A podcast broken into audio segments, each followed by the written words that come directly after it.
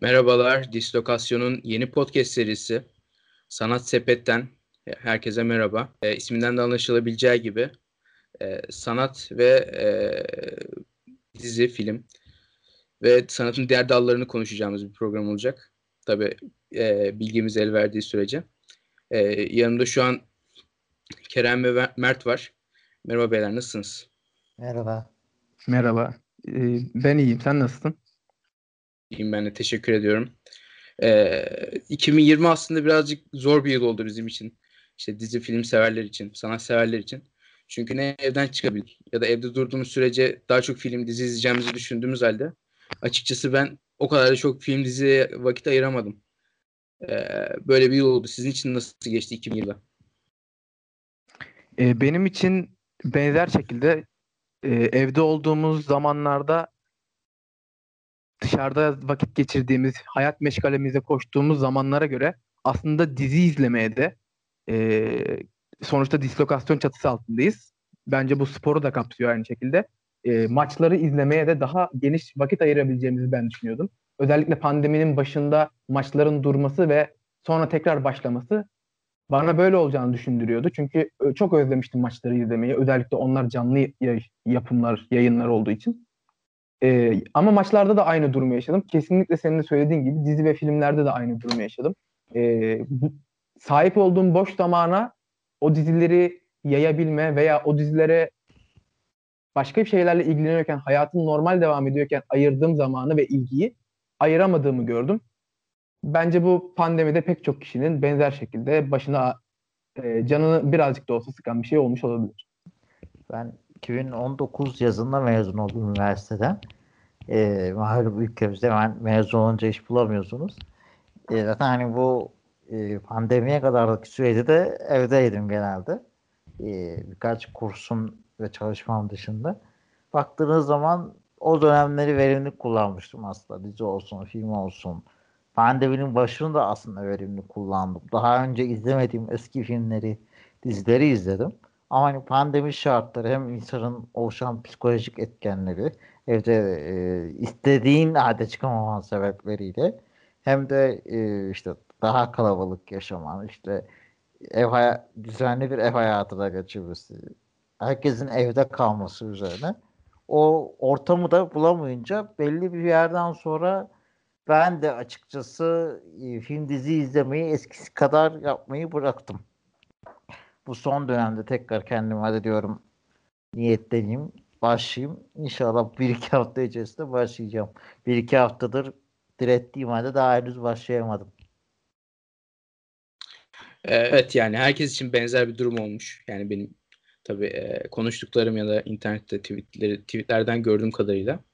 E, böyle başlamamın nedeni programa e, malum 2020'yi daha yeni bitirdik.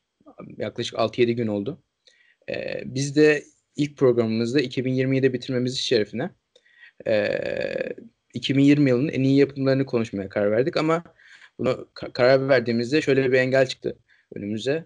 E, 2020 yılında o, çok az şey çıktı. Çok az şey yayınlandı. Tabii streaming platformlarından yine yayınlanmaya devam etti filmler ve diziler. Ama önceki yıllardaki kadar çok izleyemedik bunları. Birazcık sinema ve dizilerine ve filmlerine hasret kaldık gibi oldu.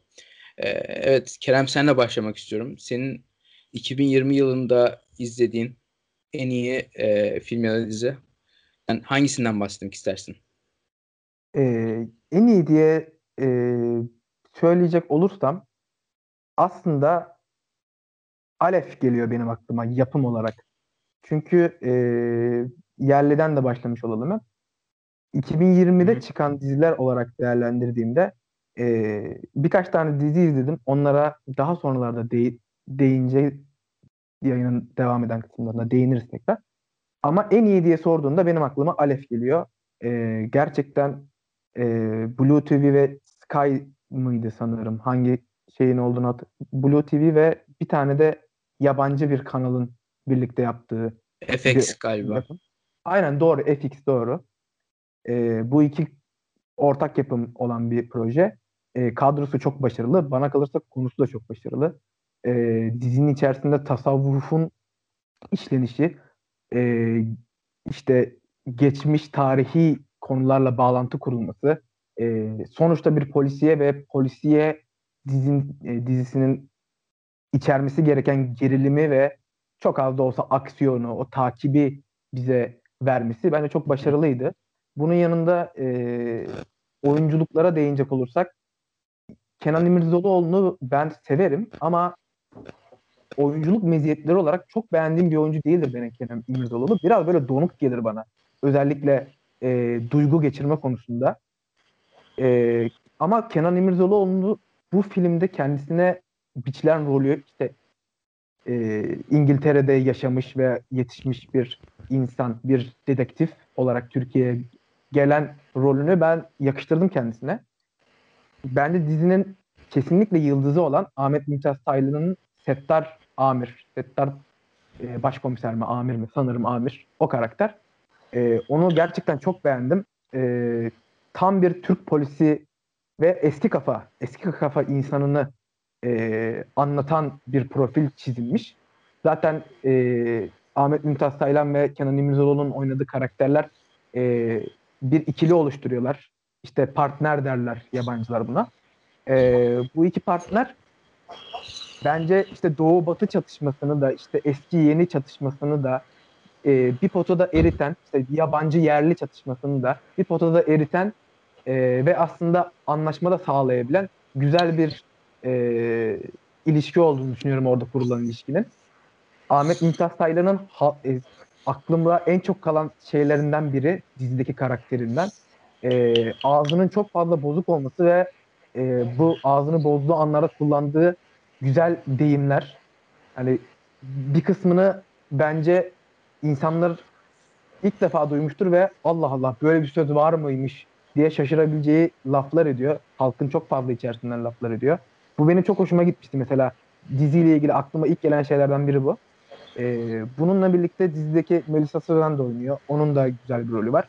Dizinin e, finaline değinecek olursak bence e, dizinin finaline kadar olan bölümlere göre seviyesinin birazcık düşük olduğunu düşünüyorum. Çünkü final bölümlerinde aslında dizilerin e, bitişiyle ve işte bazı şeylerin açığa çıkmasıyla final bölümlerinin aslında en başarılı ve en çok sükse yapan bölümler olmasını bekleriz. Ama e, diğer bölümlere göre bence beklentiyi karşılama konusunda biraz zayıftı ama kesinlikle başarısız olduğunu da düşünmüyorum final bölümünde. E, Alef'le ilgili söyleyeceğim şeyler 2020'nin benim için en iyi yapımı olarak Alef'le ilgili söyleyeceğim şeyler şimdi bu kadar. Şimdi ben biraz ben benim de izlediğim bir dizi. Ben de hafta hafta takip ettim ve izledim. Çok da sevdim. Ben ilk önce e, sevdiğim şeylerden önce sevmediğim e, birkaç şeyden bahsetmek istiyorum. İlk, ilk önce e, Settar Başkomiserin ya da amirin ben de hatırlamıyorum. O garsona yaptığı konuşmayı hiç sevmedim. Gerçekten 2020'de izlediğim film ve dizilerin haricinde çok kötü bir sahneydi. Ee, bunun dışında filmin e, pardon dizinin finali senin de söylediğin gibi. Dizinin finali bana birazcık erkene getirilmiş gibi geldi. Tamam belli bir şey belli bir kalıp oturtuyorlar finali. Ee, her mantıklı bir final yani mantıksız değil. Yani sorduğumuz soruların cevabını alabildik. Ama şimdi şöyle e, fin, dizinin çok ağır işleyen bir konusu vardı final bölümüne kadar. E, ağır ağır ilmek ilmek işledikleri bir konuda konusu varken finalde böyle daha önce hiç görmediğimiz bir karakterin suçlu çıkması. Çünkü e, finale kadar sürekli farklı farklı insanları mesela ben izlerken e, acaba bu mu katil ya da acaba şu mudur, acaba bu mudur diye sürekli düşündürdü. Bu çok iyi bir şeydir bence e, bir cinayet dizisinde ya da yapımında. Ama finalde e, hiç tanımadığımız birinin sadece daha önce adını bile duymadığımız sadece birkaç kere bahsedilen birinin suçu Fotoğraflarda çıkması. gördüğümüz birinin. Tabii tabii. İşte yani e, Settar Başkomiser'in oğlunun olayının bile fin, sanırım finalden bir önceki bölümde çözülmesi vesaire beni birazcık diziden orada soğuttu. Yani çok iyi iş yapmışlar. Görüntü yönetmenliği muazzam. Ee, ama böyle bitmesi hikaye açısından e, beni birazcık kaya kırıklığına uğrattı. Evet, e, çok Ee, ufak senin şeyler de eklemek Ta- istiyorum. Tabii tabii. E, Alef'i kapatmadan tabii. önce. Söylediğin şeylere e, katılıyorum. Bence de e, filmin ilmek pardon dizinin ilmek ilmek işlenişi ve bunun ağır ağır yapılışı e, çok başarılıydı. Kesinlikle filmin merkezine aldığı tasavvufi ve tasavvufi e, tasavvuf ve tasavvufi yapıların bence işlenmesi için, anlaşılması için seyirciye, sonuçta yabancı seyirciye de hitap e, edilen bir şey var bu yapımda. Onların da anlayabilmesi için bence bunun işlenişini çok doğru bir kıvam tutturulmuştu. Kesinlikle görüntü e, yönetmenleri yönetmenini tebrik etmek lazım. E, ben de çok beğendim e, sahnelerin çekilişlerini, açılarını özellikle. E, film, böyle diziye yedirilen o koyu karanlık ambiyansın aslında yani katil kim işlerinde olduğunu biliriz ama yerli yapımlarda biraz sırıttığını ben düşünüyorum. Fazla karanlık ve yani gereksiz bir e, yoğunluk, koyuluk veriliyor yerli yapımlara. Bu anlamda öyle olduğunu düşünüyorum. Bence Alef'te bunun kıvamı gayet iyiydi. Mert senin söyleyeceğin bir şey var mı yoksa kapatalım ya e, Alef mevzusunu. Ya çok izleyeceğim fırsatım olmadı Alef'i ama ger e, takip de ettiğim bir projeydi. Oyuncuya da çok beğeniyorum açıkçası. Melisa Sözen'i e, Bıçak Sırtı dizisinden beri takip ettiğim ve beğendiğim bir oyuncu açıkçası. Ama Intas Taylan'ı zaten söylemeye gerek o kadar iyi bir oyuncu olduğunu. Sizin de bu söyledikleriniz üzerine inşallah en kısa zamanda izleyecekler arasında listenin başına aldım. Ee, tabii Alef'i kapatacağız dedik ama son bir şey söylemek istiyorum. Sen, e, Kerem konuşurken aklıma geldi. E, dizinin işlediği konu değil de teması bu kadar cesur olması bu ülkede artık bu yıllarda böyle temaları çok göremiyoruz maalesef. Ben tabii burada birine laf ya da taş taşlamıyorum. Sadece böyle temaları işlemekten korkan bu kadar çok dizi ve yapımcı varken ve bu kadar iyi bir dizinin böyle bir temaya yedirilmesi gerçekten hoşuma gitti. Bunu da söylemeden geçmeyeyim dedim. Ee, Mert senin ben de çok e, fazla e, tabii. eklemeyeyim bir şey katıldığımı söyleyeyim. Mert senin e, bu sene izlediğin en iyi yapımlar ya da en iyisi olmayabilir. E, söylemek istediğin bir yapım nedir? Ee, ben bu sene çok yeni yapım izlemedim. Ee, Pandemi başlangıcında e, şahsiyeti yeni izleme vaktim oldu. Aslında şahsiyeti ben e, daha öncesinde bir 6-7 ay öncesinde başlamıştım ama 2-3 bölüm zar zor izleyebilmiştim. Beni çok sarmamıştı. Çok akıcı gelmemişti. Ama hani dedim nasılsa evdeyim devam ettireyim. Oyuncu kadrosu olsun, e, özeti olsun, konusu olsun çok şey vaat eden bir proje olduğu için e, takip ettim ve gerçekten de izledikçe e, çok son derece e, güzel bir şekilde açıldı. İnanılmaz bir akıcılık oldu. Hikaye heyecanlı bir yer aldı. Hadi hemen bir sonraki bölümü izleyeyim acaba ne oldu diye e, takip etmeye başladım. Oyunculuklar zaten çok iyiydi. Haluk Bilginer zaten e, ödül de aldı o oyunculuğuyla. Cansu Dere çok beğendiğim bir oyuncu değildir benim. O dizide de çok beğenmedim. Ama sona doğru bazı bölümlerde o da çok iyiydi. İbrahim Selim'in oyunculuğunu özellikle çok beğendim. Ee, genel olarak. Ee, onun dışında ben herhalde pandemiden önce en son sinemaya gittiğimde e, Cinayet Süsü'ydü. 2020'den önce hemen. Biraz ondan bahsetmek Hı-hı. istiyorum. Ee, Cinayet Süsü filmi ya ben normalde bir şey izlerken o kadar kahkaha atan veya duygularını belli eden bir insan olmam. Ama hani gülmekten başımın ağrıdığı bir filmdi açıkçası. Ee, çok keyifliydi. Klişelerle çok güzel dalga geçmişlerdi.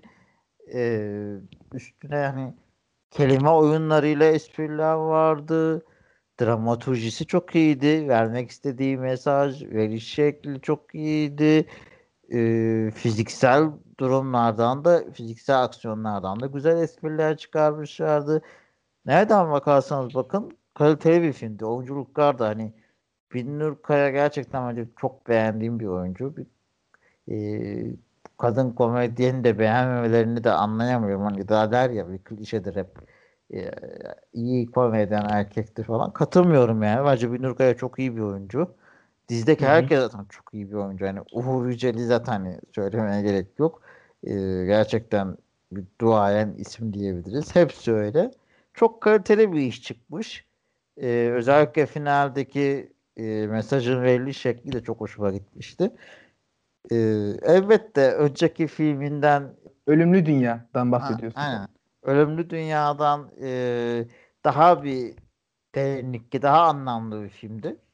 Ama tabii Ölümlü Dünya'da daha komedi ağır basan, daha komik bir filmdi. Ama yaptığı içerikle birlikte Cinayet Süsü gerçekten son zamanlarda izlediğim en iyi filmdi. Özellikle e, bu son dönemde de gerçekten izlenmesi tavsiye ederim. Çünkü yeterince karanlık bir dünyada yaşıyoruz şu an. Hepimizin gülmeye ihtiyacı var. Ee, Kerem sen bu konuda ne söylemek istersin cinayet süsüyle alakalı? E, cinayet süsüyle ilgili ben aslında e, Mert'in yorumlarına genel anlamda katılıyorum. E, şöyle birazcık insanların tepkisini de burada değerlendirmek istiyorum. E, cinayet süsüne ben de sinemada gittim. Mert sen de sinemada gitmiştin yanlış duymadıysam. Tabii tabii kesinlikle. Yani sinemada gittiğimde gerçekten o kadar çok güldüm ki. E, çok beğendim ve işte bence komedinin neden kalabalık içerisinde ve sinemada izlenmesi gerektiğini çok iyi bana anlatan, ispat eden bir, bir şey oldu bu durum. Çünkü cinayet süsü aslında ölümlü dünyadan sonra beklentiyle gidilen ve e, bence beklentiyi seyirci anlamında karşılayamayan bir yapım oldu. E, Netflix'e geldikten sonra da insanların verdiği tepkiye göre bence yani filmi çok başarılı bulduğunu düşünmüyorum insan. Ama film gerçekten sinemada izlendiği zaman bence çok komik bir film ve ben e, yani çok güldüğüm sahneler oldu. E, zaten e, Feyyaz Yiğit ve Aziz Kedi'nin yaptığı işlerdeki durum komedisini ele alış şeklini ben çok beğeniyorum açıkçası. E, bunu yeni çıkan Eksen platformundaki Gibi'de de Gibi'nin ilk bölümünü seyretme fırsatı buldum. Orada da e, bu lezzeti tattım. Ben Cinayet Süsü'nü çok beğendim ama e, Cinayet Süsü'nün oyunculuklarını ve e, hikayeyi başarılı bulsam da bence mesajı verilişi çok e, kör göze parmak gibi gözüktü bana. E, hani filme yedirilişini mantıklı buldum ama sonundaki mesajın veriliş şekli bana fazla bir evet ben burada mesaj veriyorum. Ben burada mesaj verme amacım var. Bak bağırdığını bana e, hissettirdi film. Benim filmle ilgili çok olumlu görüşlerim var. Bana kalırsa Ölümlü Dünya'dan daha e, iyi bir film değil. Daha derli toplu bir film de değil. E, daha komik bir film de değil belki ama daha eğlenceli bir film. Ben Ölümlü Dünya'da güldüğüme göre daha çok güldüm. Ama e, ikinci defa izlediğimde Cinayet Süsü'nü özellikle işte e, Netflix'e düş, düştükten sonra geldikten sonra izlediğimde sinemadaki verdiğim reaksiyonu evde kendim de göstermedim. Yani bunun için bence sinemada e, izlenmesi komedi filmlerinin oldukça kıymetli çünkü e, yani insanların reaksiyonlarıyla e, komedi daha bir anlamlı oluyor. Ya bitirdiysen ben de şöyle devam edeyim. Evet. Ee, ben ben filmi Netflix'te izledim ve bence e, gerçi söylediğin gibi e, sin- sinema olarak sinematografi olarak bir ilerleme var. Ama sinema olarak filmin film olarak bence o kadar da ilerleme yok senin dediğin gibi. E, bana şu e, birazcık eksik geldi. Ölüm Dünya'nın e, bizi güldüren daha içten olmasıydı. Yani içten olması derken yani aile gibi değildik Ölüm Dünya oyuncularıyla ama işte oyuncular zaten komik karakterlerdi Ölüm Dünya'da. E, burada daha evet. çok e, durum komedisi var. Dur, komik durumlar içine gidiyorlar gibi geldi bana. E, böyle yani benim Ölüm Dünya ile ilgili eleştirim. E, ikiniz de söylediğiniz e, en çok beğendiğiniz şeyleri ben de söyleyeyim. Benim 2020 yılında tam olarak sayılmayabilir. Ama en çok beğendiğim e, dizi e, Bojack Horseman'ın e, final sezonunun ikinci bölümüydü. E, şöyle BoJack Horseman'a aslında e, uzaktan baktığında ya da ilk başladığında çok e, düz bir dizi olarak gözükebiliyor. E, komedi dizisi olarak gözüküyor ve ko- animasyon dizisi zaten. Ama BoJack Horseman'a girdikten sonra yani içinde e, izlemeye başladıktan sonra BoJack Horseman'ın e, içinde anlat bir, bir derdi var. O der, derdini anlatmaya çalışan bir dizi. E, ve bu derdine anlatabileceği çok yol varken komediyle, komedi şeklinde anlatıyor ve bunu da kör göze parmak şeklinde de anlatmıyor. Çünkü böyle yapsa çok daha e, ilginç olabilir. E, çok daha kötü olabilirdi yani bu dizinin ilerleyişi. E, şöyle ki BoJack Horseman'ın final sezonunun son final sezonu bence hayal kırıklığıydı ilk yarısı bakımından. Ama final sezonunun son yarısı ilmek ilmek işlenmiş ve aslında bütün sezonların e, kısa bir özeti şeklindeydi. İşte ana karakterimiz olan Bojack'in hiç ders almayan bir at olması ve e, sürekli aynı hataları tekrar yapması ve aslında e, aklının başına getir, gel, gelmesi için iyice dibi görmesi gerekmesi. E, bunu gördük. Aslında izlediğim en iyi ürün olarak, eser olarak, sanat olarak en iyi şey olmayabilir ama ben duygusal olarak en çok etkilendiğim e, şey e, sanat eseri Bojack Horseman'ın e, söylediğim gibi son sezonun ikinci yarısıydı. E, ik, ikinizin de söyleyecek bir şey varsa e, yorumlarınızı alayım. Yoksa devam edelim bence. E, benim söyleyecek bir şeyim yok. Ben Bojack'i Bojack'i seyretmedim. E, Mert söyleyecek bir şeyin yoksa devam ediyorum. E, Kerem senin e, söyle, e, sonraki eserin e, nedir? Hangi eseri ee, çok sevdin? Yani dediğimiz gibi çok fazla eser yok aslında. E, o yüzden ben 2020'de çıkmış bir başka dizi olan Snowpiercer'ı burada beğendiklerim arasına e, eklemek istiyorum. E, Snowpiercer'ı ben filmini izlemeden önce dizisini izleme şansına sahiptim diyeyim. Çünkü e, yani konusu bana ilgi çekici geldi. Aslında filminin olduğunu da biliyordum. Çünkü yönetmenini hepimiz artık tüm dünya tanıdı 2019'dan sonra. E, böyle bir film olduğundan haberdardım ama onu izlememiştim.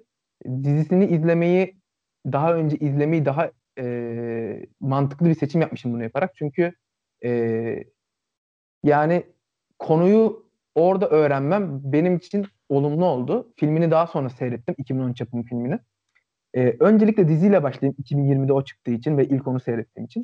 Ee, bence Hı-hı. dizinin konusu özellikle böyle çok garip bir e, dönem yaşadığımız için 2020'de bu tarz böyle e, dünyanın yok oluşu işte dünyanın bir 20 yıl sonrası veya yani bu tarz konuları aslında e, çok ağır şekilde olmasa da 2020'de tüm dünya yaşadı.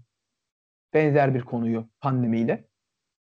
Hı hı. Böyle bir konu e, bana ilgi çekici geldi. Hem işte ekolojik dengeyle e, ve iklimle de ilgili konusunun olması. Yani konusundan çok ufak bahsedeyim. E, dünya çok ısınıyor. E, gökyüzüne dünyanın ısısını düşürecek, normale getirecek bir e, cihaz mı yolluyorlardı tam onu hatırlamıyorum. Ve dünya bu sefer tamamen buzla kaplanıyor. Eksi 100 derecelere kadar düşüyor. E, bu aşamada dünyanın ısısı düşerken bir tren yapılıyor.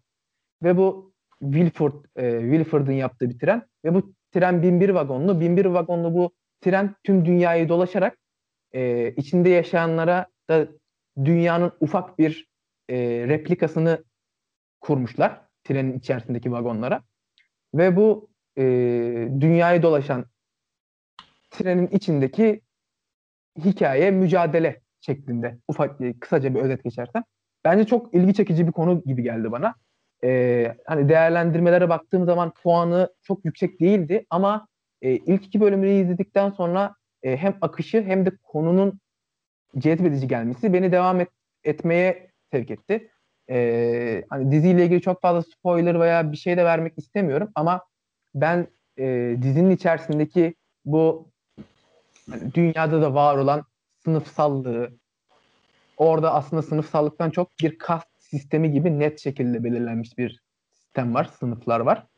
Ee, bunun varoluşu, işte dizideki e, dengesi bana oldukça güzel geldi. Özellikle kuyruğa yani trene kaçak yolda giren insanların e, sıkıntılı hali ve işte baş kaldırış mücadelesi gibi işlenen dizide bence e, finale iyi gelinmişti. Ben filmde özellikle e, başrol olan e, Jennifer Connelly'yi çok beğendim. Ki kendisini aslında çok genç yaşında oynadığı bir yapıda izlemiştim. Belki siz de izlemişsinizdir. Bir zamanlar Amerika filminde e, genç Deborah oynuyordu. Oradan beri kendisini takip ettiğim ve beğendiğim bir oyuncu. E, diziyle ilgili yorumum e, bu kadar olsun. Filmini de daha sonra izleme şansını buldum. Bence dizinin e, çekici kısmı da aslında filmi izledikten sonra fark ettim. E, aynı zaten bu bir kitaptan esinlenerek e, beyaz perdeye aktarılmış bir yapı. E, bence film ve dizide hikayenin ilerleyişi ve bağlanışının bu kadar farklı olması takdire şayan. Kesinlikle e, bir film, bir eserin filmi yapıldığında daha sonra o diziye çevrildiğinde e, benzer konu filmde işlenen halinin uzatılmışı ve detaylandırılmışı şeklinde karşımıza çıkıyor.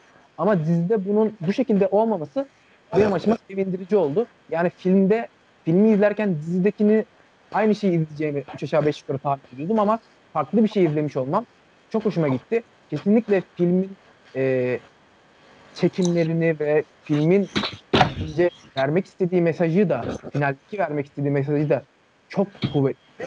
Dizide bence o kadar kuvvetli değildi ama tabii ki dizide e, devam etme ve sezonlara yaymak gibi de bir amacınız olduğu için e, bunu olmamasını anlayışla karşılayabiliyorum.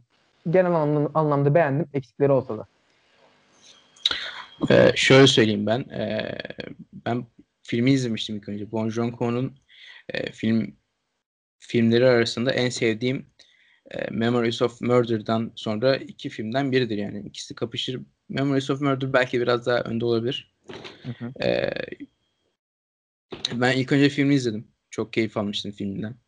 Senin de söylediğin gibi aslında çok ekleyecek bir şeyim yok ama dizisi birazcık daha yanında sönük kaldığını söylemeliyim. Evet, e, Mert e, başka bir film ya da diziden bahsetmek ister misin? Evet. Ben dediğim gibi daha çok eski bir filmler ve dizileri takip ettim.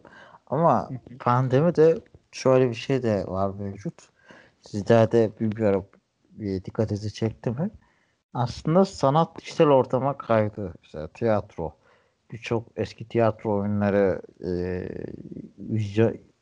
YouTube'da sergilenmeye, yani başka platformlarda sergilenmeye başladı. Aynı, e, YouTube'a özel veya işte dijital ortama özel e, tiyatro içerikleri e, çıktı. Biraz onları takip ettim. E, özellikle BGST'yi bilenler varsa onlar Boğaziçi Gösteri Sanatları Topluluğu. Onların güzel e, içerikleri oldu. E, her güne her güne bir vaka e, veya işte düş sesleri gibi e, daha biri radyo tiyatrosu daha çok, diğeri daha çok görüntülü e, tek kişinin canlandırdığı e, ve hani pandemide kadınların yaşadığı sorunları anlatan e, eserler gayet güzel, keyifli eserlerdi. E, Dostlar Tiyatrosu'nda Gönce Erkal'ın o eski bir oyun tabi ama e, yeri yüklendiği için e, Karl Marx'ın hayatını anlattığı bir oyunu izledim ki tek kişi e, gerçekten 2 saat civarı müthiş bir oyun sergiliyor. Normalde bu tarz tek kişilik oyunlar çok e, uzun süre izlenilmez genelde ama gayet güzel bir şekilde e, oyunculuğuyla birlikte ilk çekici olmuş ve hani kopmadan e, zevkle takip edebiliyorsunuz. E, bunu tavsiye ederim. Hı hı. Ee, ben de buradan tavsiyeni almış oldum en yakın zamanda ben de izlemek isterim. E, benim bahsedeceğim sıradaki eser e, The Boys'un ikinci sezonu. E, ilk sezon üzerine bence bir şeyler katmışlar. E, çünkü şöyle ben e, The Boys'un ilk sezonunu izledim. Sonra sonra da merak edip e, çizgi romanlarını okudum. Çizgi romandan e, esinlenmiş bir dizi. E, çizgi romandaki yazarı birazcık hmm, şöyle söyleyeyim. Müsteşem e, filmin biliyorsun bir tem e, bir konusu var bir de teması var. Teması da birazcık müsteşen ya da birazcık e, kanlı bir artı 18 te, e, bir konu, tema var e, dizide. Kanlı ve e, cinsel bir teması var. Hı hı. Çizgi romanda e, bu müstehcen tema, cinsel tema konunun önüne geçiyor zaman ilerledikçe. Bu yüzden dizide bu çizgiyi tutturmaları hoşuma gitti. İşte e, yeni bir karakter ekleniyor. Snow, e, Snow Trooper mıydı? E, yok. Her neyse. E, öyle bir... Kad- kadın karakterden mi bahsediyorsun? kadın karakterden. Kadın, e, Stormfront. Stormfront, Stormfront ekleniyor. E, işte kadın karakter ekleniyor. Onun o bence çok iyi bir karakter. İşte onun hikayesi var. Onu çok beğendim. E, işte Homelander bence ikinci sezon bence bu sene işte Emmy, Emmy'de en iyi erkek oyuncu alabilecek bir performans göstermiş. Tabii diğer diziler başka performanslar da öne çıkabilir ama çok çok beğendim. E, Homelander'ın e, Homelander oynayan oyuncuyu. Anthony Starr'dı galiba. Ee, Homelander'ın performansı işte birazcık bazı konularda da eksiği var tabii ki. İşte mantıksız alanları var. İşte nasıl bunları bulamıyorlar mesela. Mesela yani Homelander iki bakış atsa bunların şehrin ortasında saklanıyorlar ve bu, bulabilmesi lazım vesaire. İşte Butcher karakteri yine çok iyi, çok havalı. Yani bu kadar süper kahramanlarla savaşıp az özellikle bu kadar havalı bir karakter, e, korkusuz bir karakteri ve ben bu karakterin korkusuz olduğuna inanabiliyorum. Bunu da çok iyi yansıtıyorlar izleyiciye. E, bu açıdan bunu söyleyebilirim. Çok beğendim. E, bazı konularda eksikleri olsa da yine çizgiyi devam ettirme açısından güzel bir e, dizi olmuş. E, ben de biraz yorum yap- yapmak istiyorum bu konuyla ilgili. Çünkü ben de izledim ikinci sezonunu, ilk sezonunda. E, ben Hı. önce senin yaptığın eleştiri üzerinden bir ufak bir şey söylemek istiyorum. E, söylediğin şeye kesinlikle katılıyorum. Kesinlikle yani evet mantık olarak baktığın zaman Homelander bir bakışıyla onları şehir içerisinde yani Homelander'ı biz Superman'in bir e, çakması mı diye değerlendirip Superman'in bir nasıl diyelim aslında çakması değil de e, o evrendeki yansıması ve hani e, zaten değerlendirdiğimiz zaman e, The Boys dizisinde de e, çizgi romanında da aslında DC evrenini DC evrenindeki karakterlerin e, aslında sü- süper kahramanlar sizin gördüğünüz gibi olmasaydı nasıl olurdu gibi bir mantıkla yola çıkılmış. Yani biz süper kahraman işlerini izlediğimiz zaman onların gerçekten iyi niyetli olduklarını düşünerek ve bize ya, öyle yansıtılıyor. Ee, yani kötü bir Süpermen izlemek bence çok yani mantık olarak da çizgi romanda da çok başarılı. Ee, ama çizgi romanında ben dizi çıkasaya kadar haberdar değildim. Diziyle benim de e, fark etmem birlikte oldu. Kesinlikle Hı-hı. söylediğin şeye katılıyorum. Süper kahramanların özellikle Süpermen'i incelediğim zaman yani o kadar güçlü ki yani yapabileceklerinin sınırı yok ve e, başka karakterlerin onunla aşık atabiliyor olması hatta zaman zaman ona zarar verebiliyor olması bile bana yani mantıksız gelir. E, bunu DC'nin sadece filmleri için söylemiyorum. Ben DC'nin animasyon filmlerinin de çoğunu izlediğim için e, evrene de hem hakim olabilmek açısından hem de kesinlikle e, ben böyle Marvel ve DC evrenini seven insanlar için öneriyorum. O. Marvel şey DC'nin çok başarılı animasyon filmleri var. Özellikle onları takip etmesini öneriyorum. Dark Knight mesela çok, iyidir. Çok daha başarılı yapımları var. Ee, söylediğin şey benim orada da mantığımı kurcalıyor. Kesinlikle bu dizide de var. Ee, ben bunu bence evrenlerin genel bir sorunu olduğunu düşünüyorum. Çizgi roman evrenlerinin. E, Homelander'ın e, oyunculuğuna oynayan oyuncunun performansına ödülü hak ettiğine ben de katılıyorum. Gerçekten çok beğeniyorum. Butcher'la ilgili yaptığın yoruma da neredeyse birebir katılıyorum. Çünkü e, yani karakterin bu kadar gözü pek olması ve bu gözü pekliğin e, abartı olmaması, senin gözüne batmaması bence çok kritik bir nokta. E, bunu da karakterin sertliğinin altyapısının oluşturuluşu ve e, aslında e, Butcher'ın da en az e, rakip olduğu Seven'ın karakterleri kadar gözüpek ve onlar kadar e, eli kirli, zihni kirli, e, kötülük yapabilecek ama aslında iyi. Yani burada o kötüyle iyinin e, savaşında aslında neyin kötü neyin iyi olduğunu bize sorgulatması anlamında da çok mantıklı ve e, sanatın amacına hitap eden bir noktası da var. Ben bunu da çok beğeniyorum özellikle dizide. Yani e, Marvel veya DC evreninde neyin iyi neyin kötü olduğunu çok fazla sorgulamazsınız. Çünkü iyi ile kötü kalıplara kalıplarla çizilmiştir. Ama e, The Boys'ta bunun neredeyse yerle bir ediliyor olması benim çok hoşuma gidiyor. Öyle şimdi sen az önce animasyonlardan bahsettin. Benim de şimdi aklımda kalmasını söyleyeyim. 2-3 tane çok sevdiğim DC animasyonu vardır. İlk olarak işte Dark Knight'ı bilirsin. Dark Knight'ı evet. e, biliyorsundur, izlemişsindir. İki bölümden oluşuyor. Gayet Batman'in yaşlı zamanlarını anlatan bir animasyon filmi. iki tane filmleri. E, bunun yanında e, Flashpoint Paradox'u çok severim. Çok e, güzel bir senaryosu var. E, bir de Killing Shock. Animasyonun ilk 40 dakikası birazcık sıkıntılı olsa da çünkü çizgi romanından farklı şeyler kullanmışlar. Sonrasında rayına oturuyor ve çok güzel bir hikaye anlatıyor. Ki e, Killing Joke e, birazcık da bazı eserlerle birlikte çok beğenmediğim benim Joker filminden baya bir e, gördüğüm kadarıyla ilham kaynağı olmuş.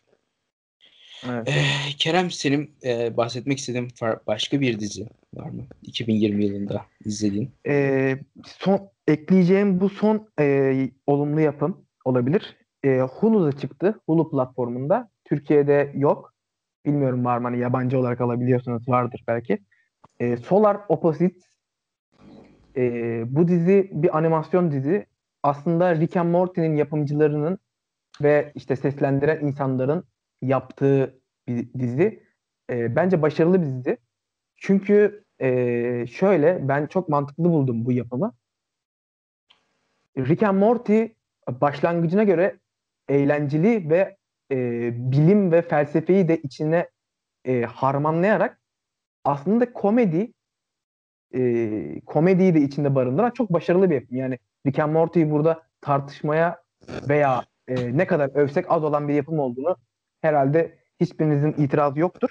E, ancak dizi başlangıcından e, son, sonuna doğru yani özellikle 3. ve 4. sezona doğru dizi çok fazla büyüdü ve e, dizinin merkeze aldığı konular da dizinin e, büyüklüğüyle birlikte onlar da büyüdü. Yani dizideki e, Rick karakterinin yapabildikleri dizide neredeyse zekasıyla bir tanrı konumuna yükselmesiyle dizide eğlenceli ve daha ufak konuların işlenemediğini, işlendiği zaman hafif kaldığını görüyorduk. O yüzden e, dizi iddialı olmayı sürdürebilmek için bu kadar nadir çıkıyor. Bunu yapan isimler, e, yapımcıları ve işte çizerler, seslendirenler Solar Opposite'i e, şeyden kurtulmak için bence yapmışlar. Ve çok da başarılı olmuşlar. Kesinlikle onun kadar iddialı ve başarılı bir yapım değil. Ama onun gibi eğlenceli ve içerisinde böyle işte bilimle ilgilenen veya işte bilimselliği, işte uzaylıları barındıran başarılı bir yapım. Ee, çok ufak özet geçecek olursam izlemek isteyenler için e, dünyaya Hı-hı. düşen bir e, uzay gemisindeki dört uzaylının bir aile gibi de değerlendirebiliriz onları. Dört uzaylının e, hikayesini anlatıyor. Yine e, Rick and Morty'de alış, alışık olduğumuz e, dizideki mantalite işliyor. Ve e, yine işte seslendirenler, çizerler, yazarlar falan aynı. Ve dizide e, Rick and Morty gibi eğlenceli ama ona göre daha iddiası düşük bir yapım. Bence o da 2020'nin başarılı yapımlarından biriydi. Şimdi ben bu diziyi izlemedim. Ee, ama güzel yani. Yapımcıları Dan Harmon yok galiba bu dizide. Dan Harmon Rick and Morty'nin yapımcılarından biri Justin Roiland'la birlikte. Justin Roiland'ın işini övüyorlar. Ben de izlemeyi düşünüyorum. Ee, Mert abi senin ekleyebileceğin bir dizi, bir film. Az önce tiyatrodan bahsettik. Belki bir Bienal e, ya da bir resim. Bir şey bahsetmek istediğin bir şey var mı?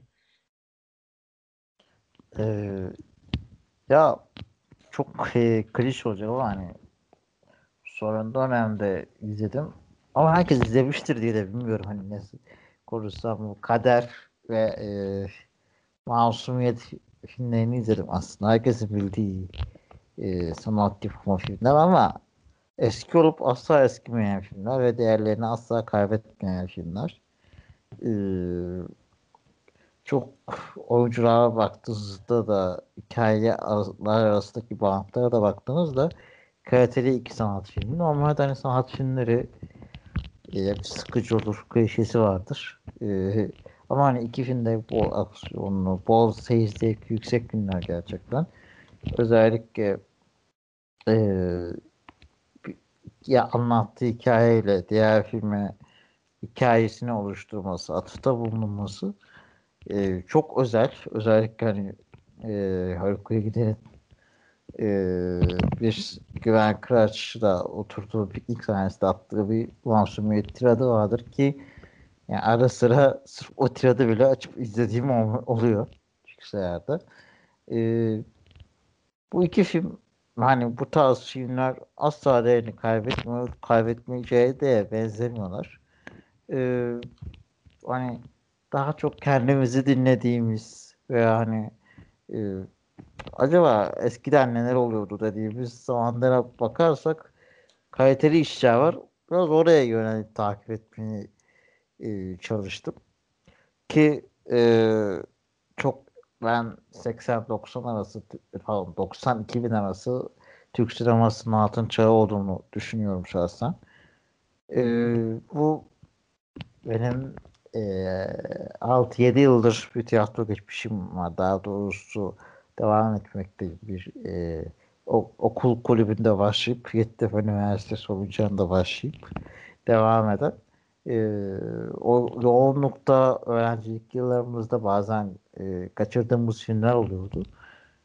E, demin şeyden bahsettiniz özellikle e, araya girmek istemedim. Çizgi roman, çizgi e, animasyon filmlerinden DC'nin şu an. O çok açığım varmış açıkçası. Onu fark ettim. Bayağı izleyemediğim filmler olmuş.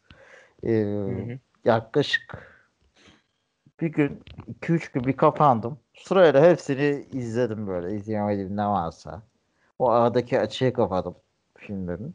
Animasyonlarına sıra gelmemişti. Sizin sayenizde ben de e, çok yakında onlara başlayacağım. Abi ne animasyonlarla ilgili yani. sana e, sana ufak bir e, yani nacizane bir şey söyleyeyim. Öneri olsun izlemen açısından. E, animasyonlar arasında işte yani bunların listelerini bulabilirsin internette. Bazıları çok fazla çocuk işi oluyor. E, onlara yani zaman ayırmak yerine daha böyle eli yüzü düzgün şeyleri izlemen senin için hem zaman kaybetmemen açısından daha mantıklı olabilir. Çünkü yani gerçekten çok e, yetişkinlerin izleyeceği yapımlar var aralarında. Çoğunluğu öyle ama çocuk işleri de olabiliyor. E, ben de kesinlikle Emre'nin söylediği gibi senin buna veya işte dinleyicilerimizin de buna ilgi çekmesine, dikkat etmesine vesile olabilsem ne mutlu.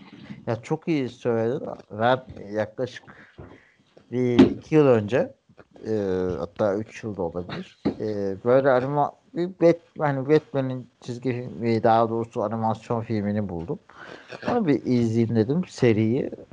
Gerçekten e, çok e, başarısız buldum. Yani hiç e, tuhaf bir şey gibi geldi. E, anlatacak kelime de bulamıyorum. E, ondan sonra da aslında ara verdim. Yoksa ben de e, iki sene önce başlayacaktım bu animasyon işlerine. Doğru diyorsun. Doğrusunu bulamayınca direkt soğutabiliyor. Onu çok dikkat etmek lazım. Kesinlikle abi.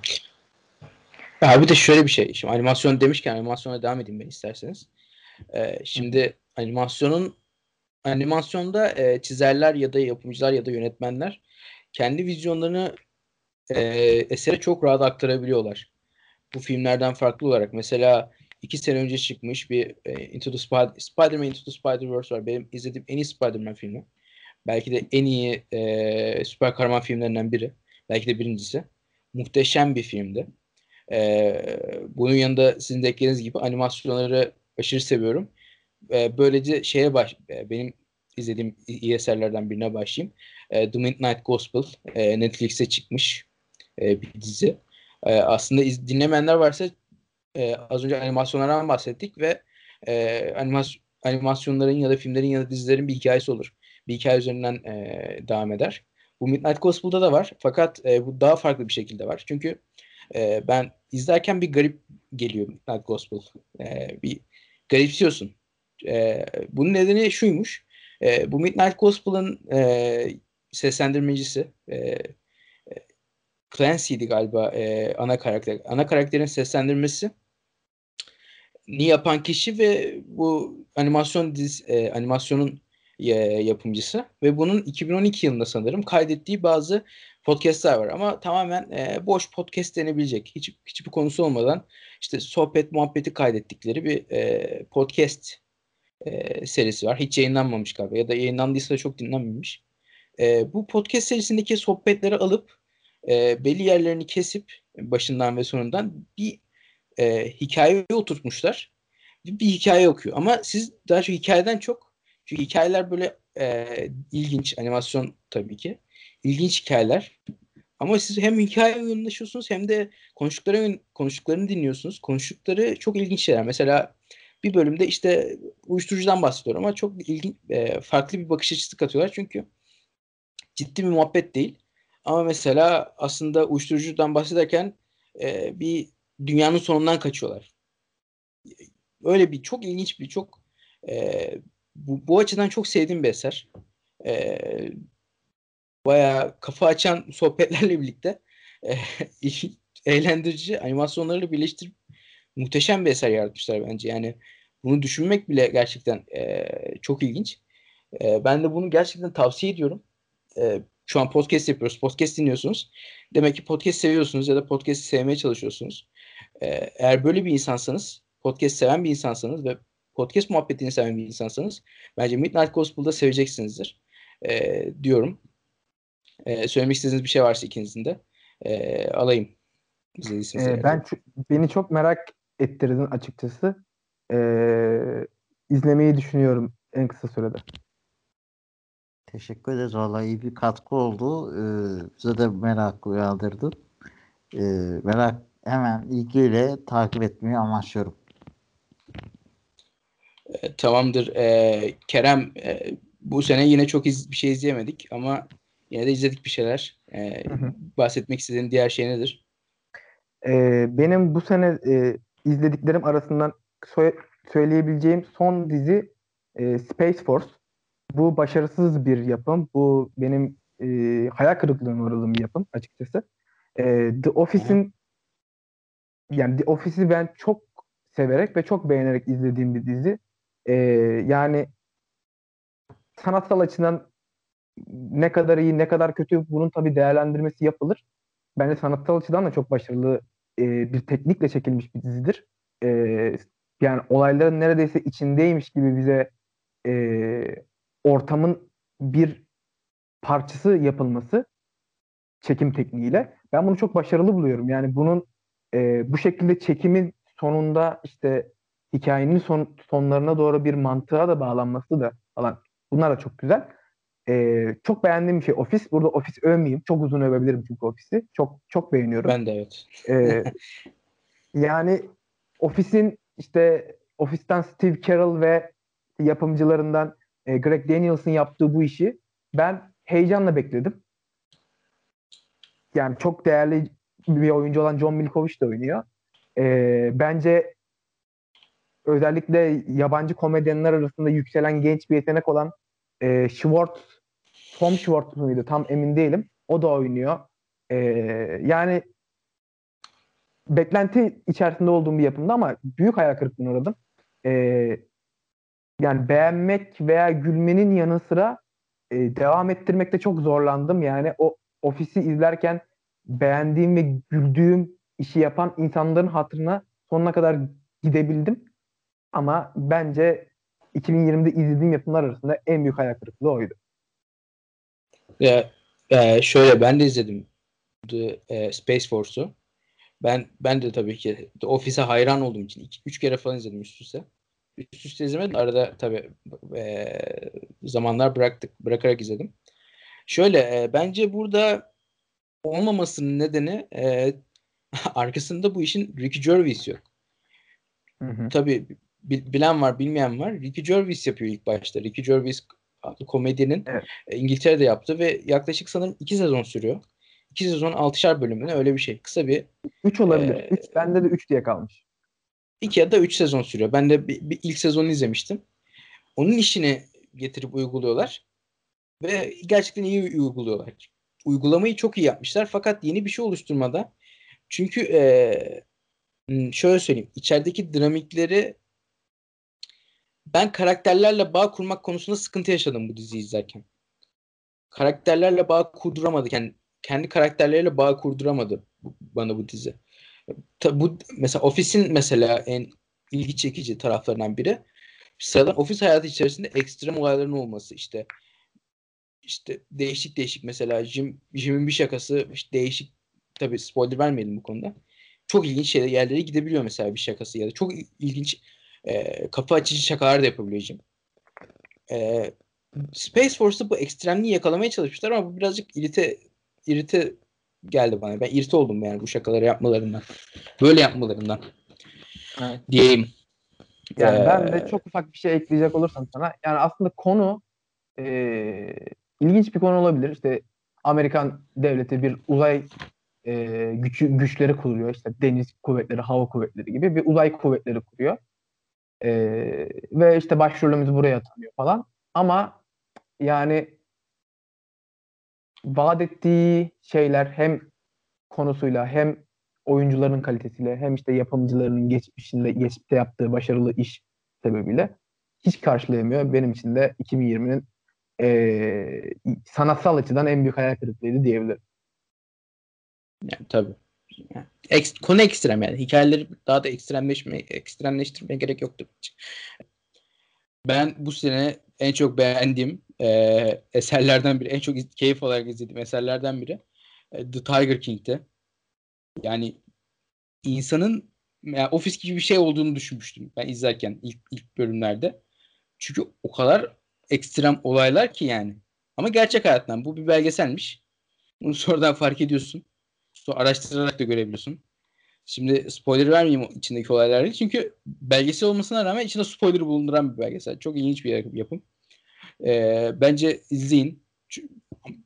Şöyle bu dizi bence Amerika'nın ekstremliğini ekstrem tarafın en ekstrem olay ım, kısmını anlatan orayı özetleyen bir e, belgesel. E, izlemediyseniz e, seyircilerimize önereyim bunu. Belgesel demişken birkaç eserden daha bahsedeyim. E, Last Dance'i çok beğendim. E, Kesinlikle tam Michael... benim de aklımdaydı. E, bu konuya girmen çok iyi oldu. Sen söylemesen bir sonra ben söyleyecektim. Tabii Mike Last Dance'i sen öf. E, ben de birazcık Jeffrey Epstein belgeselinden bahsedeyim. Çünkü Peki. E, çok beğendiğim, çok beğendiğimiz, sürekli bize ilham veren e, Hollywood'un, sinema sektörünün, dizi sektörünün aslında ne kadar yobazlaşmış bir kurum olduğunu bu bu belgesel dizisiyle anlayabiliyoruz. İşte e, konusundan birazcık bahsedeyim. Jeffrey Epstein isimli bir iş adamı. Aslında ne iş yaptığı da çok belli değil. Ama e, işi genel olarak e, film ve dizilere yapımcılık yapmak. E, bu adam e, pedofili çıkıyor. Ve e, pedofili çıkıyor ve pedofililiğini e, çok fazla kız çocuğu belli bölgedeki neredeyse belli bir bölgenin kız çocuğu nüfusunun yarısını e, taciz ediyor ve kimse ağzında dahi açamıyor. Mesela e, işte taciz edemediği kız çocuklarına kendi, kendisine kız, suç ortağı yapıyor bu konularda vesaire. Evet. Ve işte bu, bu olayları ve bu olayların bu adamın e, isminin nasıl bu olayların açığa çıkmasının önüne geçtiğini anlıyor. Yani e, hayata dair, Hollywood'a dair, insan e, insanlığa dair e, çok ilginç bir belgesel. Bunu izlemenizi öneriyorum. E, sen de Kerem istersen bir Lost Dance öv bize. Ee, yani Last Dance bence yani çok iddialı konuşmak istemiyorum. Çünkü e, spor spor içeriğiyiz aslında. O çatı altında toplandık burada. Ve hepimizin sporda e, söz konusu e, yani söz hakkı ol, olduğunu düşündüğü kadar kendince e, bir yetkinliği var. Yani bence Last Dance yapılmış en iyi e, spor belgeseli olabilir. E, bence hem sanatsal açıdan hem e, içeriği açısından çünkü içeriği çok şaşalı bir içerik. Yani e, yani Michael Jordan'ın etrafına kurulmuş ve işte o, iki kere arda arda üç kere şampiyonluk şimdi İngilizcesini biliyorum da Türkçe nasıl ifade edeceğimi bilemedim. Yani üç şampiyonluk bir ara Michael Jordan arası sonra bir üç şampiyonluk daha şeklinde süren inanılmaz bir hüküm hükümranlık diyeyim ben ona.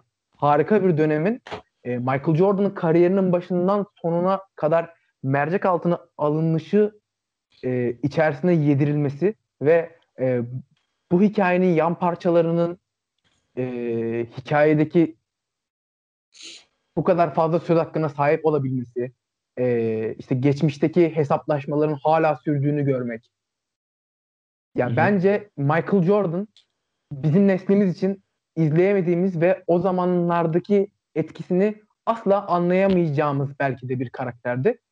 E, Last Dance bizi bunu anlama, kavrama ve e, bu büyük karakterin, bu büyük başarının bize de e, 21. yüzyıl insanlarına da yansıtılması konusunda çok başarılı bir yapım olarak görüyorum ben. E, Michael Jordan'ı algılayış tarzım kesinlikle Last Dance'i izledikten sonra çok değişti. Ben Michael Jordan'ı e, anti, izlemeden önce biraz olsun antipatiyle bakan bir insandım. Çünkü aslında biraz e, genç jenerasyonun ay, bakışı şöyledir. İşte eski jenerasyonlar kendilerinkinin daha iyi olduğunu, daha büyük olduğunu iddia ederler ama aslında sporlar e, veya sektörler gelişmiştir ve gelişmiş haline biz maruz kaldığımız için bizim jenerasyonda birazcık yeniyi e, övmeyi ve onu yüceltmeyi tercih eder. Geçmişteki insanların söylediklerine pek fazla kulak asmaz. E, işte gençler buna boomerlık diyor yaşlı insanlara. O, o şekilde bakıyorlar. E, aslında benim de Michael Jordan'a bakışım biraz ön yargılı şekilde şekildeydi ve ben de bu bakış içerisinde e, Michael Jordan'ı değerlendiriyordum. Ama e, Michael Jordan algılayışım ve onun büyüklüğünü şahit oluşum kesinlikle e, bu efsanenin, bu mitin benim gözümde yeniden yapılanmasını sağladı. Ya şöyle söyleyeyim. Bizim önce bizden önceki jenerasyon Michael Jordan'ın çok hayranıydı. Biz o kadar değildik izlemediğimiz için. Michael Jordan bu e, bence belgeselde kısaca e, bizim jenerasyonumuzda kendini hayran bırakmaya amaçlamış diye düşünüyorum. Ee, de şey ekleyebilir miyim? Tabii Şöyle e, Michael Jordan benim e, ucundan yetiştiğim bir e, nesil. Ya çok da beğendim, çok da sevdiğim bir basketbolcu. Aslında ben o kadar basketbol seven bir insan değilim. Ama mesela çocukluğumda basketbola ilk en çok ilgi duymamı sağlayan işlerden biri e, Warner Bros'un çıkardığı animasyon filminde Michael Jordan'ın da yer aldığı. Bilmiyorum Space izlediniz mi? Aynen. Space Jam'den ben izlemiştim. Aynen aynen. Evet. Ee, bayağı hani basketbola çok ilgi duymamı sağlamıştı açıkçası. Ee, onlardan sonra işte o Kobe Bryant'lı, Allen Iverson'lı, Miami, Allen Iverson'lı Miami, Kobe Bryant'lı e, Lakers'ı e, takip ediyordum. Bu sene de malum e, Kobe Bryant'ı da kaybettik. Orada anladım hem de dilerim ki e, onunla da ilgili böyle güzel bir belgeseli bir an önce izleme şansımız olur. Ee, gerçekten çok iyi bir belgeseldi. Tabii sen Space Jam'den bahsettik, bahsettin. Ee, Michael Jordan'ın bu belgeseli yapmasını karar vermesini sağlayan olay e, LeBron James'in Space, yeni Space Jam'in e, karak, ana karakter olmasıymış diye okumuştum bir yerde. E, böyle de se, böyle de bir olay, ilginç bir olay. E, ben bu sene izlediğim çok iyi bir yapımdan bahsetmek istiyorum. Watchmen. E, az önce süper kahraman olaylarından, süper kahraman dizilerinden bahsettik. HBO'nun bir süper kahraman dizisi bu. E, şöyle söyleyeyim. E, bir süper kahraman dizisi ne kadar bu kadar ekstrem olaylarla ne kadar iyi anlatılabilirse bence o kadar iyi anlatılmış. Ee, ağır başlayan bir yapısı var. İleriye doğru daha iyi gidiyor ve muhteşem bir finali var. Ee, ve ben açıkçası çok beğendim. Çok çok beğendim. Ee, herkese tavsiye ediyorum. Çünkü konuşacağım ama konuş konuşamıyorum çünkü izleyecek olanlar için evet. birazcık e, spoiler olabilir. Ondan dolayı e, bahsedemiyorum. Bir de şeyden bahsedeyim kısaca. Afterlife az önce Ricky Gervais'ten bahsettim. Afterlife çok iyi bir e, diziydi. Çok basit bir konusu var. İşte kanser nedeniyle adam karısını kaybediyor ve intihar eşiğinde. Ve bu kadar. Bunun adamın hayatını anlatıyor. Ve çok iyi bir çok hayata dair çok iyi bir e, tespitleri var. Ben genelde böyle dizileri çok sevmem. İşte az önce dediniz ya boomerlık diye. Ben, bana birazcık boomer işi geliyor. Ama ben Afterlife'ı çok beğendim. Bunu söylemeliyim. Ee, Kerem senin e, ekleyeceğin bir yapım nedir? Ee, benim ekleyeceğim bir yapım şu an aklıma gelen bir şey yok. Senin söylediğin yapımlara ben de ufak bir e, yorum yapmak istiyorum. Watchmen'in Tabii. dizisini ben de izledim. E, gerçekten çok etkilendim. Bana kalırsa e, buna The Boys'u da dahil ederim. Yapılmış en iyi süper kahraman e, yapımı olduğunu düşünüyorum dizi olarak. E, ya gerçekten çok beğendim. Kesinlikle spoiler vermek için ben de e, vermemek için ağzımı kapalı tutuyorum. Ama e, zaten işte Zack Snyder'ın yaptığı çok başarılı bir film vardı. E, bu filmi yani bana kalırsa o da e, Marvel evrenindeki son işte Avengers'ları dışarıda bırakıyorum. E, Dark Knight üçlemesi dışındaki bana kalırsa sanatsal olarak en başarılı süper kahraman filmiydi Watchmen. E, ben oradaki karakterleri de o filmin e, anlattığı hikayeyi de ve felsefesini de çok beğenmiş beğenmiştim ve e, Watchmen'i de bu beklentiyle izledim. HBO dizisi olduğu için e, hani yüksek beklentiyle başladım ve kesinlikle beklentimin altına kalmadı. E, bana kalırsa e, yine filmle dizide aynı konuların ve aynı karakterlerin birebir olmaması da güzel bir şey. Çünkü yani e, evrenlerin içerisinde ya veya anlatılan hikayenin içerisinde aynı karakterleri sürekli aynı şekilde görmek zaman zaman izleyicide bir e, dezenformasyon yaratıyor. Yani evet bunu izlemiştim bir de şundan izleyeyim. Bir de şunun gözüyle. Şu yapımcıların, şu yazarların gözüyle nasılmış bu öyle izleyeyim diye bakmak ayrı bir bakış açısı katıyor. Daha önce izlemediğin bir şeyi e, farklı bir bakış açısıyla izlemek daha ayrı bir keyif. E, özellikle süper kahraman yapımlarında. Zaten bili, biliyorsunuz yani siz de süper kahramanların hikayesi bellidir ve e, ilerledikçe farklılaşır. Bence Watchmen'de bunun bu şekilde yansımaması çok başarılıydı. E, Afterlife'a da gelecek olursak Afterlife'ı ben de izledim ve kesinlikle benim de beğendiğim bir yapım. E, aslında karamsar bir havası var konusuyla baktığım zaman. Ama e, bana kalırsa verdiği mesajlar da bunun içerisinde çok önemli bir e, artı katıyor. Bana kalırsa çok da insana pozitif e, bakış açısı katıyor ve bence e, yani nasıl söyleyebilirim bunu? İzledikten sonra beni mutlu eden bir yapım oldu. İçimi açan, e, ferahlatan bir yapım oldu. Tabii. E, gerçekten öyle. Sana da katılıyorum bu konuda. E, ben hep bu, arada podcast'a başladığımızdan beri ben hep her, hep her şeyi övdüğümü fark ettim. Birazcık da e, gömeceğim e, eserlerden bahsedeyim. İlk önce e, Tenet filmini birazcık gömmek istiyorum izninizle. Hı hı. E, ben Tenet'i sinemada gittim. Bu riske girdim yani sinemada ama hiç bu riske girmeme gerek olmayan bir filmmiş. E, ben e, Christopher Nolan'ın e, şöyle söyleyeyim e, filmlerin giderek düştüğünü düşünüyorum. E, çektiği filmlerden itibaren. Interstellar'la baş, başlayan e, bir düşüş var. Tabii Interstellar mu- muhteşem bir film ama yine de bir düşüş gibi görüyorum önceki filmlerine göre. Sonrasında e, tabii sıralama acaba Interstellar'la Dunkirk arasında bir film var mı diye düşünüyorum. Yok galiba. Yok sanırım. Sonrasında bir Dunkirk var. Dunkirk bence rezalet bir film. E, tabii şeyden daha kötü değil. Tenet'ten daha kötü değil ama çok kötü bir film. Ben hiç beğenmedim. Bazıları da e, listenin en üstüne koyuyor işte. Geçen evet. Mehmet Demirkol'u izledim. İşte en izlediğim en Nolan filmi demiş. Ben ona şaşırdım açıkçası. Çünkü e, ben bunu gömen bir podcast de yapmıştım sırf Tenet gömen. E, oradan birkaç şey yani söyleyebilecek çok bir şey yok. Çünkü filmin bir konusu yok. Filmin eleştirecek bir yanı yok. Ama kötü bir film. Yani spesifik eleştirecek bir yanı yok. Genel olarak kötü bir film. E, şöyle bir şey var. E, Christopher Nolan ilk önce e, Dunkirk'te e, kendi temasın, e, kendi filmin işleyiş şeklini teması yapmıştı. E, Dunkirk, e, Dunkirk'te. Filmin teması işte ileri geri sürekli zamanlarla oynamasıydı. E, bu sefer de bu bu zaman oynamasını filmin konusu yapmış ve bunu gerçekten rezalet işlemiş.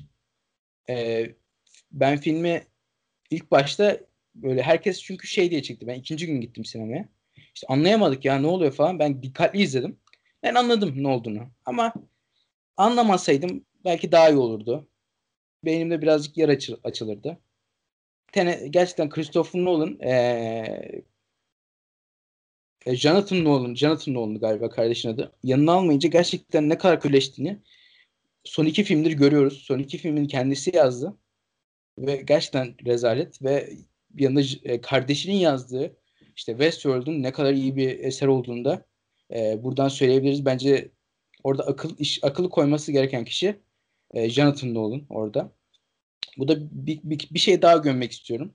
E, Love, Lovecraft e, Country. E, genel olarak siyahi zulmünü anlatan, siyahilere yapılmış zulmü anlatan, Watchmen'in konusuna benzeyen bir eser. Yine HBO'dan. Sanırım e, yapımcısı J.J. Abrams ya da yazarı. Hı. Ve gerçekten bunu da hiç beğenmedim. Çünkü e, bu kadar ilginç bir konuyu, çünkü konusu ilginç cidden. Bu kadar e, kötü anlat, anlatabilmek zor bir e, şey. Sen e, Kerem aklında bir şey gelmedi diyor. Ben aklımdakileri boşaltıyorum. Araya girebilirsin. Ee, yani, benim bir şey aklıma gelirsin. bir şey geldi e, ama izlemediğim için bu konu hakkında e, yorum yapamıyorum. E, bir başkadır. İzlemedim henüz. E, çok fazla üzerine konuşuldu. Bence eğer siz izlediyseniz bu podcast içerisinde en azından 2020 yapımı olarak değerlendirilmesi gerekiyor diye e, pası size atayım. Ya ben kısaca şunu söyleyeyim. Ee, hiç yapılmamış bir şey olduğu için ilginç. Ama daha iyi de olabilirdi. Ama yine de beğendim. Yine de beğendim. Ama daha iyi de olabilme ol, potansiyelini gördüğüm için e, tıpkı e, tıpkı Alef'teki gibi ama Alef'ten daha fazla var. E, daha fazla hata var bunda. E, potansiyelini görebildiğim için e, bence eksi puanı birazcık fazla bende. Yani vaat ettiği şeyleri veremedi benim için. Mert ee, sen izlemiş Mert, e, izledin mi bu Mert Bir Başkadır dizisini? Ee, yok ben de izlemedim. Peki. Ama hani o e, videolarından da takip ettiğim üzere gerek e, müzikleri de bayağı popüler oldu. Eski müzikleri yeniden popüler etti aslında daha çok. E, kesinlikle izlemem gerektiğini düşünüyorum. Ve hani en yakın zamanda listemde izleyeceğim. Keşke o, o müzikleri veya işte bu tarz e, yapımları daha önceden izleyebilsek. Geçen şeyi de gördüm. Tweet görmüştüm. E, bilmiyorum ne kadar doğru. İşte Aşkı Memnun'un kitabı çıkmış aha diye bir tweet. Yani bana biraz ilginç geldi gerçekten. Bu kadar mı? Yani bu kadar mı? Gerek yok bu kadar. Artık hani takip edelim biraz e, eserlerimiz. Hani geçmişimizi de biraz takip edelim ki geleceği daha güzel bakabilirim. Kesinlikle katılıyorum. Ee, ben e, ufak bir şey eklemek istiyorum. Bunu e, bir hem olumlu hem de olumsuz bir şeyden bahset, bahsedeceğim bunda. Bu, bunu Türk televizyonlarının özellikle Türk dizilerinin e, eleştirisine bağlayacağım. E, şu an gündemde olan diziler var. Ben bir başkadırıdan sözü alıp birazcık buna değinmek istiyorum aslında. E, ben hı hı. psikolojik danışmanlık ve rehberlik bölümünde okuyorum. İşte ruh sağlığı biliminde 5 e, beş tane dal var. Ve bunlardan biri o da e, ruh sağlığı biliminden e, işte psikiyatristler, psikologlarla ilgili dizilerde çok fazla karakter görüyoruz. İşte sır, sürekli sırf bunun üzerine kurulan diziler var. Bir başkadır da bir psikiyatr var. İşte şu an çok meşhur olan Kırmızı Oda, Doğduğun Ev Kaderindir. Yani başka meşhur dizilerde de e, böyle ruh sağlığı biliminden psikologlar, psikiyatrlar, psikolojik danışmanlar var. E, bence bu toplum için bir noktada yararlı bir şey. Çünkü e, bu terapi ortamına ve e, seanslara, işte danışmaya, bunu nasıl adlandırırsanız adlandırın. E, bir ön yargı vardı bizim toplumumuzda. Ya hala da var. E, bu ön yargının kırılması açısından o e, aslında nasıl bir şey olduğunu göstermesi açısından ben bunun olumlu bir şey olduğunu düşünüyorum. E, ama öte yandan da Türk dizi mantığında da şöyle bir ölü yiyicilik görüyorum. E, ne popülerse onun üzerine onun üzerine çok fazla gidip ve onu e, içini boşaltma, aşındırma gibi bir e, politika var. Yani e, şeyle başladı bu politika bana kalırsa. Daha 2'nin çok patlaması ve popüler olması o dönem işte ülkenin gündemi, işte e, terör olayları, işte harekatlar falan. E, bununla ilgili halka bir mesaj vermek ve e, toplumu hazırlamak anlamında diziler işte 3-4 tane kanalda asker dizisi ortaya çıktı. Ve bu diziler hı hı. E, biraz toplumun bakış açısını dizayn etme e, şeyli, amaçlı şekilde ilerledi ve hala bunun devam edeni de var, biteni de var. E, ondan sonra e, geçtiğimiz seneyi de kapsayacak şekilde 2020 değil, 2019, 2020'de kalmışım hala. 2019'da kapsayacak şekilde 2020'ye de uzanıyor tabii ki. Doktor dizileri başladı sonra. İşte e, Mucize Doktor. Ne vardı başka? E, Hekimoğlu. İşte bunlar e, birazcık işte doktorlara saygı, doktorlara e, doktorlara nasıl bir şey yaşadığını göstermesi açısından içinde farklı hikayeler barındırsa da. Bunlar birazcık topluma mesaj verme amaçlıydı. Şimdi bu psikoloji temelli hani tamam tam olarak işte bir e, yani terapotik bir ortam oluşmasından bahsetmiyorum. E, ama işte içerisinde psikolojik sorunları olan karakterleri fazla fazla barındıran diziler e, ve böyle ortamların oluşması da bende yine aynı şeyi uyandırıyor. Yani farklı dönemlerde farklı meslek gruplarının dizilerde bu şekilde ana plana e, ön plana atılması bana e, yani biraz garip geliyor. Birazcık da nasıl diyeyim e, işte Türk dizi sektörünün ölücülüğü gibi geliyor. Sizin bir yorumunuz var mı bu e, söylediğim şeylerle alakalı? Ya ben şunu söyleyebilirim. Benim işte ailem izliyor bu dizileri. Ve ben bu psikolojik dizilerin e, bazen e, işleri yanlış anlatabildiğini, bundan da halkı yanlış yönlendirebileceğini düşünüyorum. Bundan dolayı e, dikkatli olunmalı bu dizileri yaparken. Bunu söyleyebilirim. Evet. Benim çok da izlediğim yapımlar olmadığı için e, yorumum da yok bu konuda. Evet. evet. Yani söylediği hani, şey kesinlikle katılıyorum ben de. Evet. Buyur Mert. Ee, ya şey eleştirisi var aslında daha çok. Bilmiyorum hani e, sen ha e, yakından daha iyi bilebilirsin o konuyu da bu e, aslında bir etik dışılık da var. Hani daha doğrusu yaptığı Kesinlikle. işler Kırmızı Oda üzerinden e, baktığın zaman hem onun yayınlanması veya işte dizi işte gösteriş şekli hastanın özel ortamlarına evin incelenmesi filan çok tepki çeken de bir proje bu yanlardan baktığı zaman. Ama insanlar da ilgili izliyor. Herhalde zamanlaması da manidar? Bu e, pandemi dönemi de herhalde krizi ustata çevirdi. İnsanların e, bu tarz e, daha psikologlara daha destek almaya açık oldukları bir dönemde olması da herhalde krizi desteği çevirdi. E, asker dizilerinde kesinlikle katılıyorum. Zaten hep olan bir şey bu Türkiye'de. E, televizyonda malum bir ideolojik aykıt e, Alpuzer'in dediği gibi. Onu da hani çok iyi bir şekilde kul daha doğrusu Türkiye'de çok iyi şekilde kullanılamıyor. Biraz göstere göstere kullanılıyor. E, o dönemde hepsinin aynı anda yapılması. Yani aslında tesadüf değil. Eskiden de yapılırdı bu tarz şeyler ve yapılmaya devam ediyor ne yazık ki. Yapılacağı da devam ed devam edeceği de uzun bir süre benziyor. Umarım bir yerde son bulur artık. Evet, e, katılıyorum ben de. E, yani ben şunu söyleyebilirim. Sadece kendi e, yaşadığım şeyden e, şimdi ben son sınıfta bir tane bir ders alıyorum ve bu derste uygulama yapmam gerekiyor. Danışma uygulaması. E, işte mezun olmadan önce bunu tecrübe etmem için.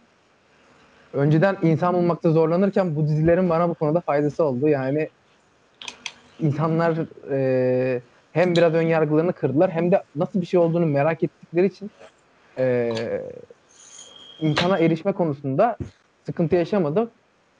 Yani be, benimle birlikte benzer durumları yaşayan insanlar da sıkıntı yaşamadılar. Daha rahat oldular bu konuda. O yüzden benim açımdan e, ufak bir olumlu tarafı da oldu. Tabii. Çok bilgilendiriciydi bu konuda. Teşekkür ediyorum ikinize de. Ee, ben birkaç böyle e, bu sene izlediğim diğer güzel şeylerden bahsedeyim.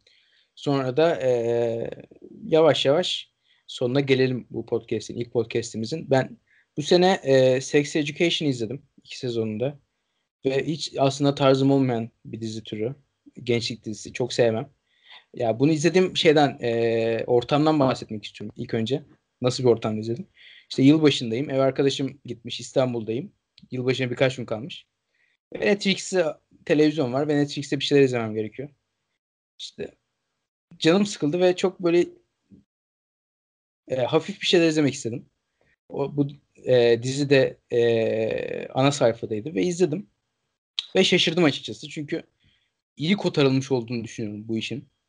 Yani e, gençlik dizisi basitliğine değildi. Daha ilişkiler açısından, mesela anlatım açısından mesela güzeldi. İşte ikinci sezonu da izledim. İkinci sezonu da gayet iyiydi. E, bunu söyleyebilirim. Bunun yanında e, bu sene önceki senelerde çıkmış mesela e, hepimiz hepimiz değil de çoğumuz e, Avatar dizisini izlemişizdir. E, bu Avatar'ın devamı niteliğinde Legend of Korra e, dizisi Netflix'te geçenlerde gördüm ve şu an izliyorum. Üçüncü sezondayım. E, onu gayet beğendim. O gayet iyiydi. Ve hala iyi. Bence Avatar'dan çeşitli konularda çok daha iyi bir dizi e, ortaya çıkarmışlar. E, bunun yanında söyleyebileceğim e, şu an düşünüyorum bir yandan da. E, şu an ben de listeden bakıyordum. Emmys var. Emmys diziden sayılıyormuş galiba. E, Ricky Gervais'in konuşmasını dizi olarak yorumlamıyoruz tabii ama Ricky Gervais'in mesela Apple başkanına böyle Apple var burada işte kaçak işçi çalıştırıyorlar ve insanlar o kadar kötü çalışıyor ki camdan e, çatıdan atlayıp intihar ediyorlar diye adamın yüzüne vesaire böyle şeyler söylemesi gerçekten çok ilginçti ve çok beğendim yani. Bir insanın böyle yüzüne söylenmesi hoşuma gitti açıkçası.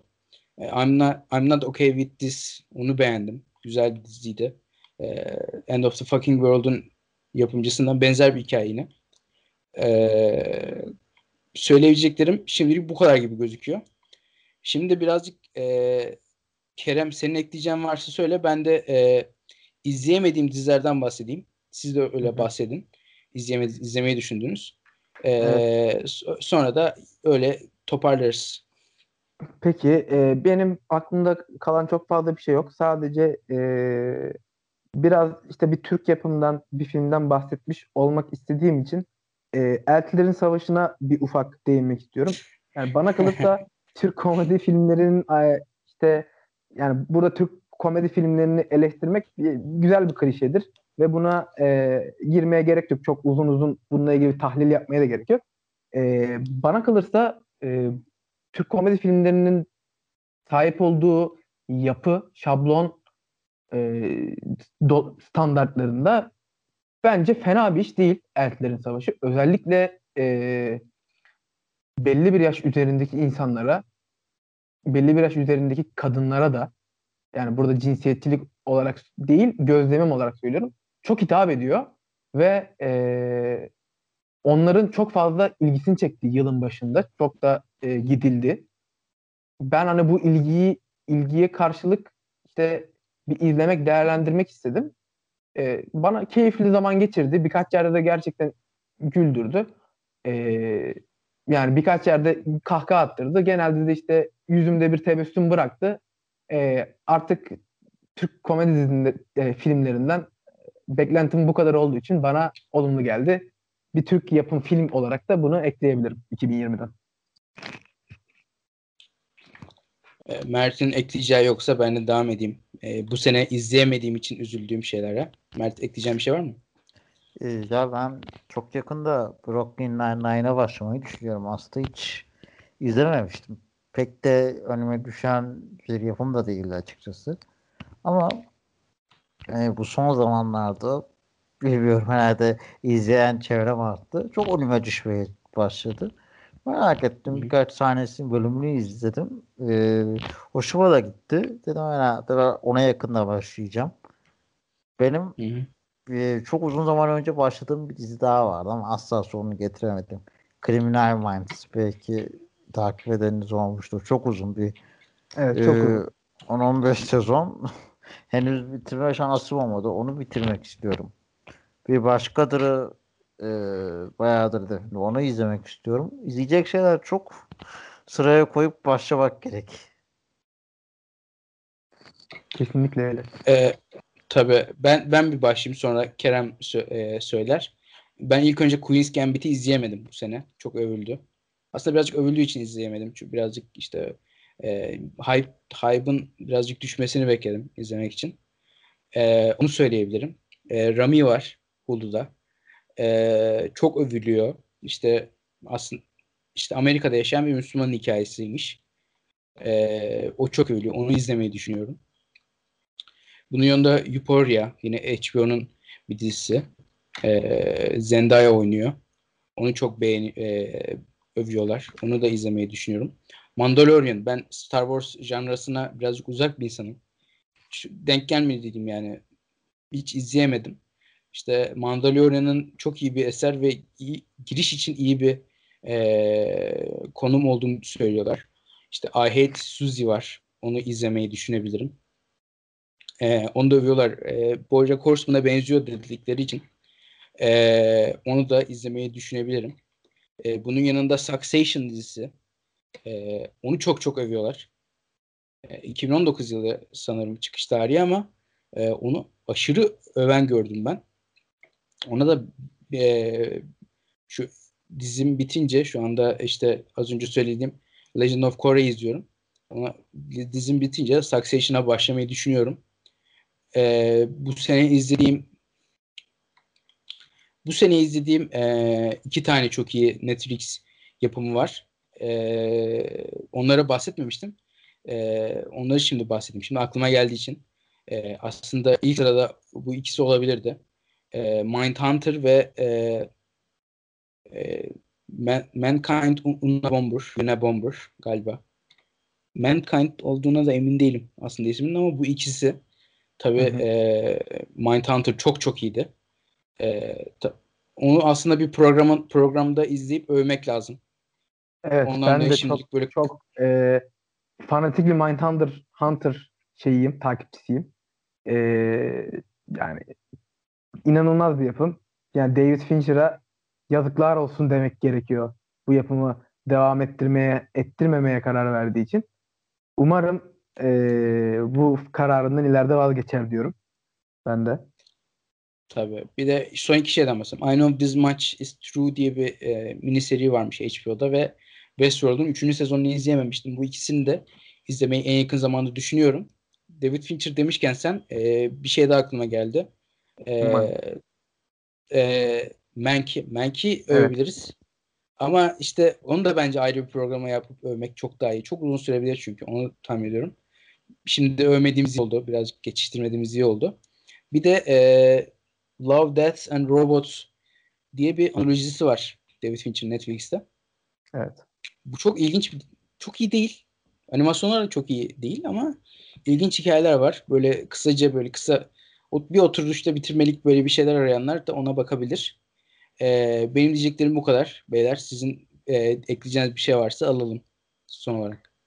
Ee, yani benim ekleyeceğim çok fazla bir şey yok. Ben de işte henüz Tenet'i izlemedim. Onu izlemeyi düşünüyorum. Queen's Gambit'e aynı senin düşündüğün gibi o aşırı şeyin geçmesini bekledim. Heyecanım. Ee, onun dışında senin söylediğin bazı dizilerden benim aklımda kalan bir şeyler olmuştu.